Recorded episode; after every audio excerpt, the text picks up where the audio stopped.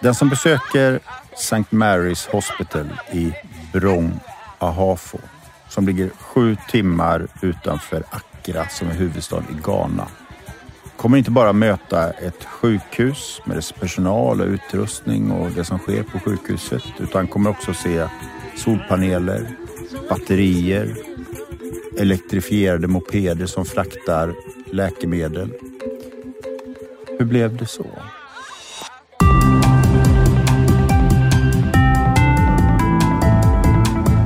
Varmt välkommen till Futura-podden. En podd som Stella Futura står bakom. Vi tror på kunskap och att dela den med andra. Därför har vi skapat denna podd. Och vi kommer att prata energi och omställning.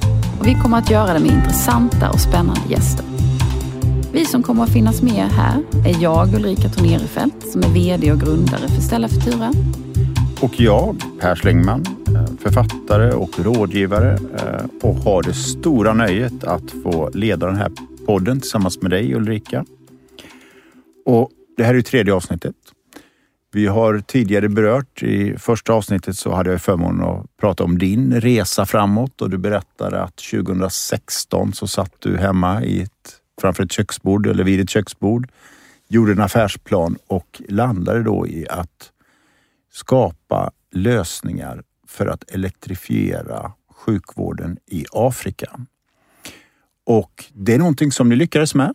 Ehm, och jag tänkte att vi skulle, du skulle få berätta lite om det. Det är en fantastisk berättelse. Jag ska själv säga att jag har varit vice ordförande i SOS Barnbyar under ett antal år och precis innan pandemin så hade jag förmånen att besöka Togo som ju ligger eh, granne med Ghana. Och jag kommer ihåg då att vi mellanlandade i Accra för att ta oss vidare till Togo och eh, jag tyckte det var så spännande när vi började prata om det här, när jag läste första gången om Ghana, att jag kunde se det framför mig. Och man ser också de enorma mänskliga förbättringar eh, som den här typen av projekt leder till. När jag var där så invigde vi exempelvis en mödravårdscentral där vi också använde mopeder för att möjliggöra för människor som bor på landsbygden att få tillgång till, till mödravård.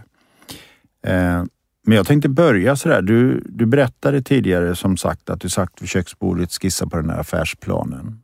Eh, hur kom det till? Hur förverkligade du din idé och vilja att faktiskt göra någonting i Afrika? Ja, det är eh, enormt eh, patosdrivet från början. Eh, jag är ingenjör och har jobbat med förnyelsebarhet hela mitt liv. Jag var en ganska nybliven mamma då och kände att jag ville göra någonting som verkligen gjorde nytta. Och hade väl ganska naivt högflygande planer om att det här med att elektrifiera sjukvård kan ju inte vara så svårt. Och i Afrika är det ju fiffigt att börja för där har de ju både sol och tillgå och de har ett stort behov. Eh, och tack och lov så är väl vi eh, entreprenörer lite lätt naiva när vi väl drar igång. Men om vi bara snabbspolar igenom alltihopa så tror jag det handlar om att man måste vara modig. Man får inte vika sig för eh, redan uppbyggda strukturer utan man måste liksom finna de här olika snirkliga vägarna fram och inte ge upp. Och då mm. lyckas man. Man lyckas ofta i små myrsteg hela tiden som på den långa resan blir liksom målet. Och i det här fallet så träffade du några personer, eh, mm. berättade av en händelse som eh, kom från Ghana. Mm. Och ni skapade det som var din idé, blev er idé, att göra det gemensamt. Mm. Och hur var vägen fram? Kan du berätta om vägen till det första projektet och vad det var för någonting? Mm. Jo, men jag hade förmånen att träffa två super schyssta eh, personer, eh, purpose-driven, från Ghana just. Där den ena var ingenjör och den andra var finanskille. Vilket ju är en perfekt kombination om man ska starta ett bolag. Dessutom så hade de ju lokal anknytning. Så ni så, tre startade ett företag? Ja, åtminstone två av oss. Eh, men vi fick hjälp eh, av ingenjörsmannen. Eh, så vi vi började ju diskutera om, eh, för vi träffades i lite andra kontexter i det, mitt, där jag var på mitt dåvarande jobb. Men du vet hur det är när man träffar människor och man börjar prata. Att eh, vi kom mer och mer till insikt om att vi faktiskt alla tre var ganska purpose-driven och ville göra någon typ av förändring. Och i och med att vi besatt de olika kompetenserna som vi gjorde, jag inom förnyelsebar energi, Francis, min VD i eh, Afrika, jobbat på eh, Cornell, eller eh, pluggat på Cornell University och jobbat som finanschef på Hewlett Packard i, i Kalifornien. Och en annan Francis som var forskningschef på ett eh, institut i Ghana. Av någon anledning så kom vi fram till att, men, att solelektrifiera hälsovården i Ghana är ett jättebehov eftersom de har enorma problem med sin nationella grid. Naturligtvis så finns det ju jättemånga Grid, nätverk.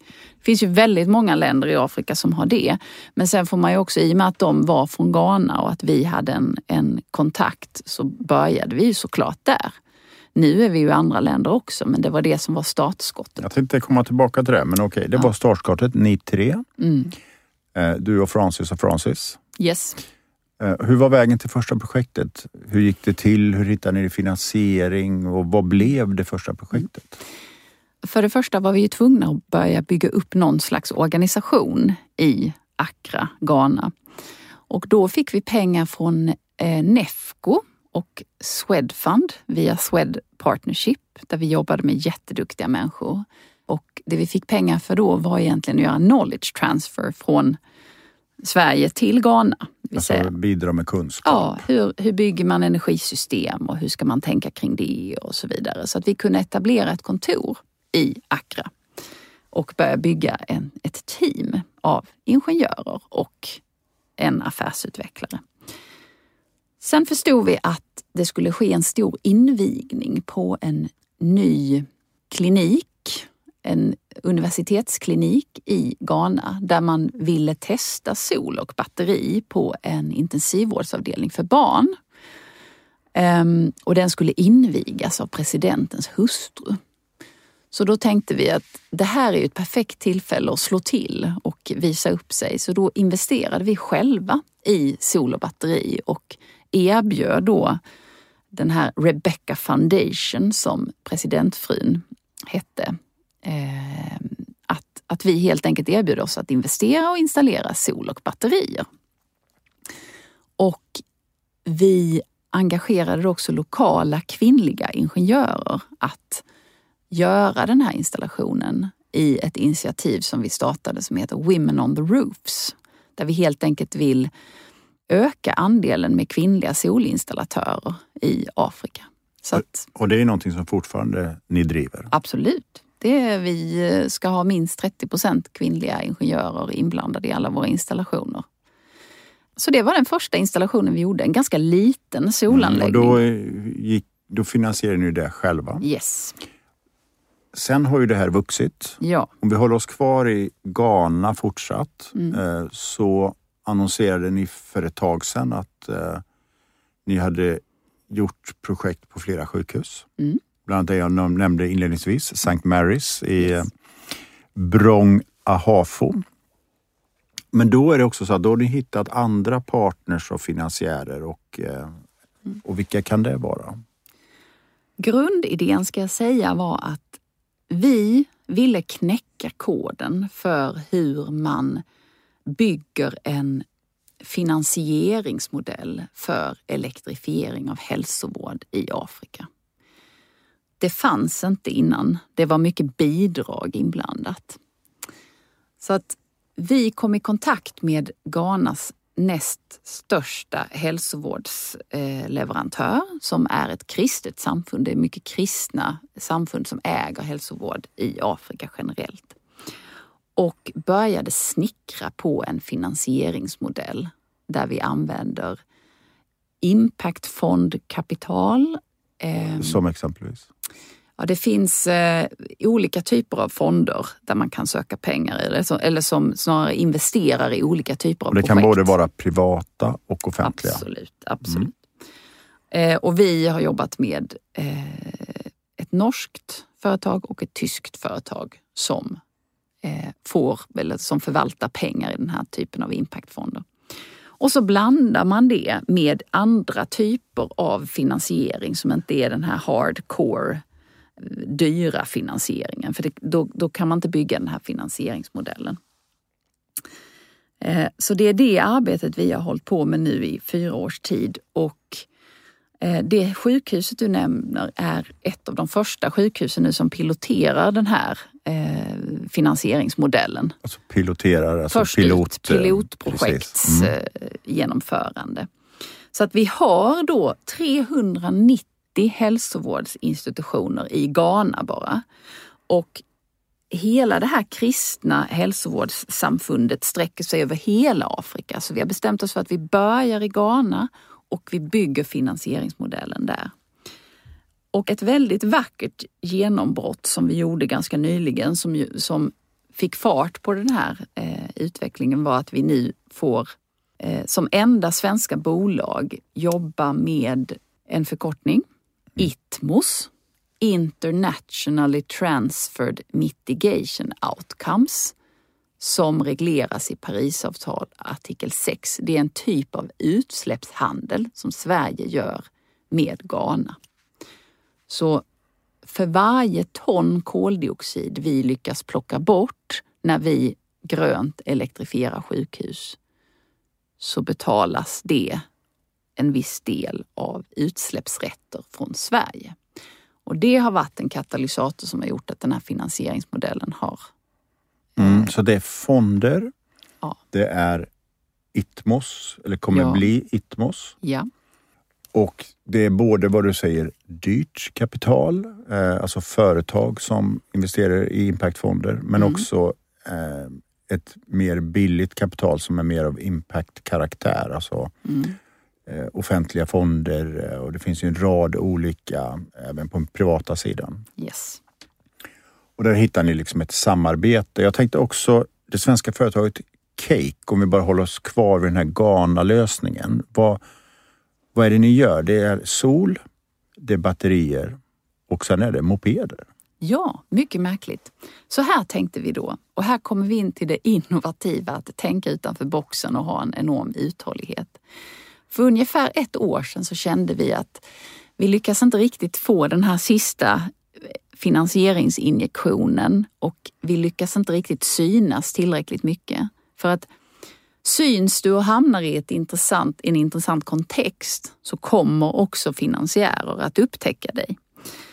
Så då tog vi kontakt med Cake. För vi började ju inse att eh, när vi börjar elektrifiera alla de här sjukhusen i de olika regionerna i Afrika så bygger vi ju egentligen en typ av laddinfrastruktur. Och är det någonting Cake och den slags bolag har svårt med i Och Afrika? berätta om Cake kort bara.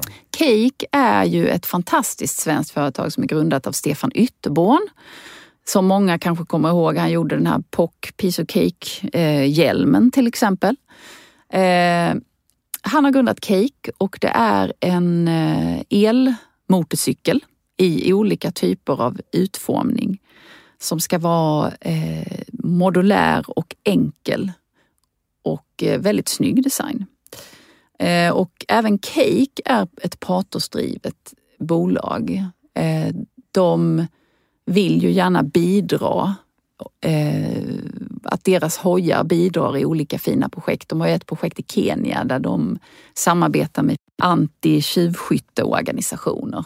Eftersom elhojarna hörs ju inte när de kommer åkande så det är ett väldigt effektivt sätt att smyga sig på.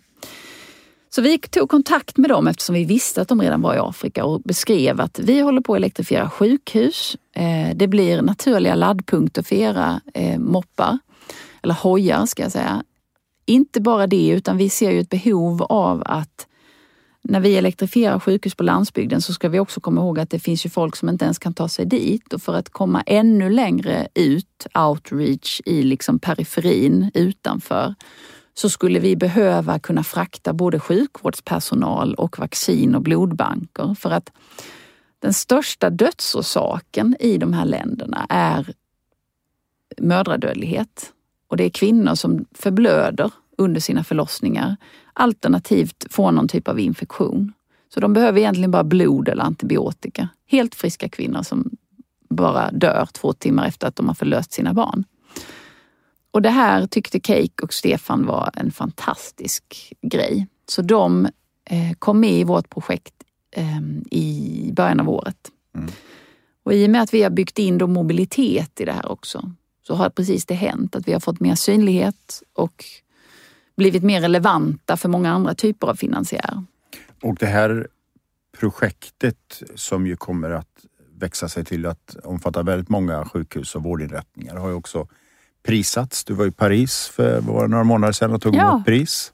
Um, ja, det var, det var ett stort ögonblick. Jag blev lite tårögd här. Då ringde Cakes eh, europeiska eh, general manager och sa att vi har fått ett pris här eh, på Vivatech som är en av, ett av världens största techmässor. Jaha, sa jag. Jag har ju inte hört så mycket om det här projektet men det är ju helt fantastiskt, sa han. Ja, det är ganska fantastiskt. Så då beslöt vi att, vi, att jag skulle åka ner eh, och så vann vi priset för Inclusion and Education. Fantastiskt. Ja, det var helt fantastiskt. Och eh, Precis, det började i Ghana, mm. men som du sa, det håller också på att växa sig, eller har vuxit utanför Ghana. Vilka fler länder är aktiva i? Mm. Somalia mm. har vi också installerat på eh, ett sjukhus och där har vi också påbörjat ett samarbete med en norsk fond. Vi håller på att titta också i Togo, som du nämnde. Mm. Senegal har vi också börjat titta i. Eh, om vi håller oss till sjukvårdselektrifieringen. Och om vi tänker oss att gå utanför sjukvårdsfinansiering, vad kan hända då? Ja, vi har också projektutveckling på gång i Kamerun och Nigeria. Och vad är det för typ av projekt då, om det inte är sjukvård? Då kan det vara, eh, nu pratar jag svengelska här, Food Processing Industry. Vi har också jobbat med ett plaståtervinningsbolag, dryckesfabrik, vatten. Olika, helt enkelt olika typer av lösningar där oh. sol och eh, batterier är komponenterna. Normalt sett så brukar många företag, man börjar eh, i det land man är född i, startar sitt, sitt företag och sen så växer man utanför världen. Här började du i Ghana och sen har vi ju vuxit verksamheten väldigt mycket också i Sverige. Men om, man, om man håller sig kvar kring, kring Afrika, eller vi kan också tänka sig Asien och andra delar av världen. Vad, vad, vad skulle du vilja åstadkomma med det här? Att tillgängliggöra säker, tillförlitlig grön energi där den behövs, det vill säga överallt. Och Vi har ju pratat lite grann om, om det här, du har nämnt det här att vara patosdrivet, vilket jag tycker är ett väldigt bra sätt att beskriva den här typen av företag. Eh, vad anser du att, vad har svenska företag för ansvar att bidra om man kan bidra? Nu är det här en verksamhet som också såklart står på en kommersiell grund. Men vad har man för ansvar att faktiskt kunna bidra till att skapa skapa resultat där resultaten också blir så stora som möjligt. Därför att det är klart att här blir ju hävstången enorm på den här typen av lösningar. Alla vinstdrivande företag som gör enorma vinster har ju ett, eh, ett stort ansvar också för sin egen självbevarelsedrift. Eh, den gröna omställningen som pågår i världen nu är ju ett måste. Och jag har ju jobbat inom stora bolag också. Så det här är ju ingen enkel nöt att knäcka. Hur ska man bidra? Men det finns ju också en, ehm, till exempel en frivillig marknad för eh, utsläppsrätter. Vi jobbar ju också med en, en eh, amerikansk organisation som heter Power Trust där man kan presentera olika typer av impactprojekt där då i detta fall amerikanska bolag väljer att gå in och eh, köpa utsläppsrätter helt enkelt. Mm, Sverige är en humanitär stormakt brukar vi säga. Vi mm. har ett eh, omfattande bistånd, vi har en historia och eh, att, att jobba väldigt aktivt med att också eh, sprida kunskap, att försöka främja en positiv utveckling i delar av världen där man har det mycket tuffare.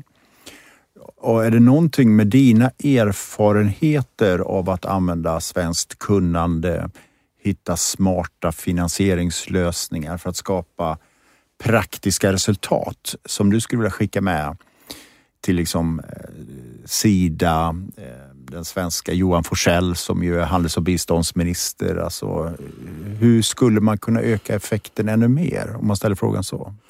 Eh, jag tror mycket på det vi håller på med i den här podden, att dela kunskap, att träffas, att samtala. Vi har ju varit mycket på, på marken, på plats. Så vi har väldigt mycket konkreta erfarenheter kring vad som funkar och inte funkar.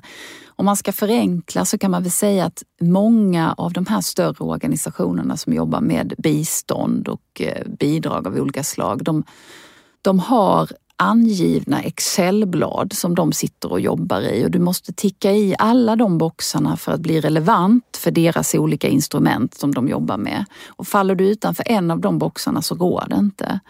Det kvittar hur bra projekt du än har. Och då tror jag att man behöver bygga in en mycket större flexibilitet i hela biståndsmekanismen och kanske bjuda in till mer samtal med oss som jobbar liksom på marken. Vad är det som kan hjälpa? För vi kan bli väldigt konkreta. Och jag tänker det finns en annan dimension här också. Det är ju att det här är ett resultat av ditt kunnande, din drivkraft, eh, de här två Francis du träffade, eh, de kvinnliga solinstallatörerna. Eh, att också kanske inse att verkliga resultat och verkligt bistånd får effekt när man också samverkar mellan lokalt entreprenörskap, kunskapsöverföring, men också kanske statliga pengar att, att försöka se biståndet mer som också en katalysator att få den här typen av lösningar till stånd. Absolut. Och eh, det kanske är ytterligare en gäst vi ska fundera på längre fram. Johan Forsell som är eh, ansvarig minister för de här frågorna. Mm. Eh, är det någonting annat du vill tillägga när du blickar över er verksamhet i Afrika eller ska vi sätta punkt där? Jag skulle vilja tillägga att det finns en enorm kraft i den här lokala anknytningen som du säger. Bara det att vi jobbar med lokalt kvinnligt anställande.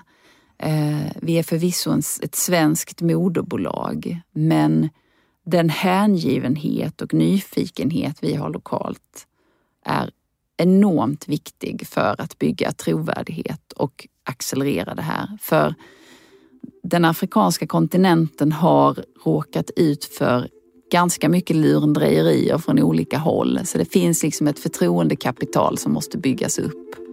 Och det är liksom vårt ansvar också att göra det nu. Tack så mycket. Tycker vi sätter punkt där. Tack.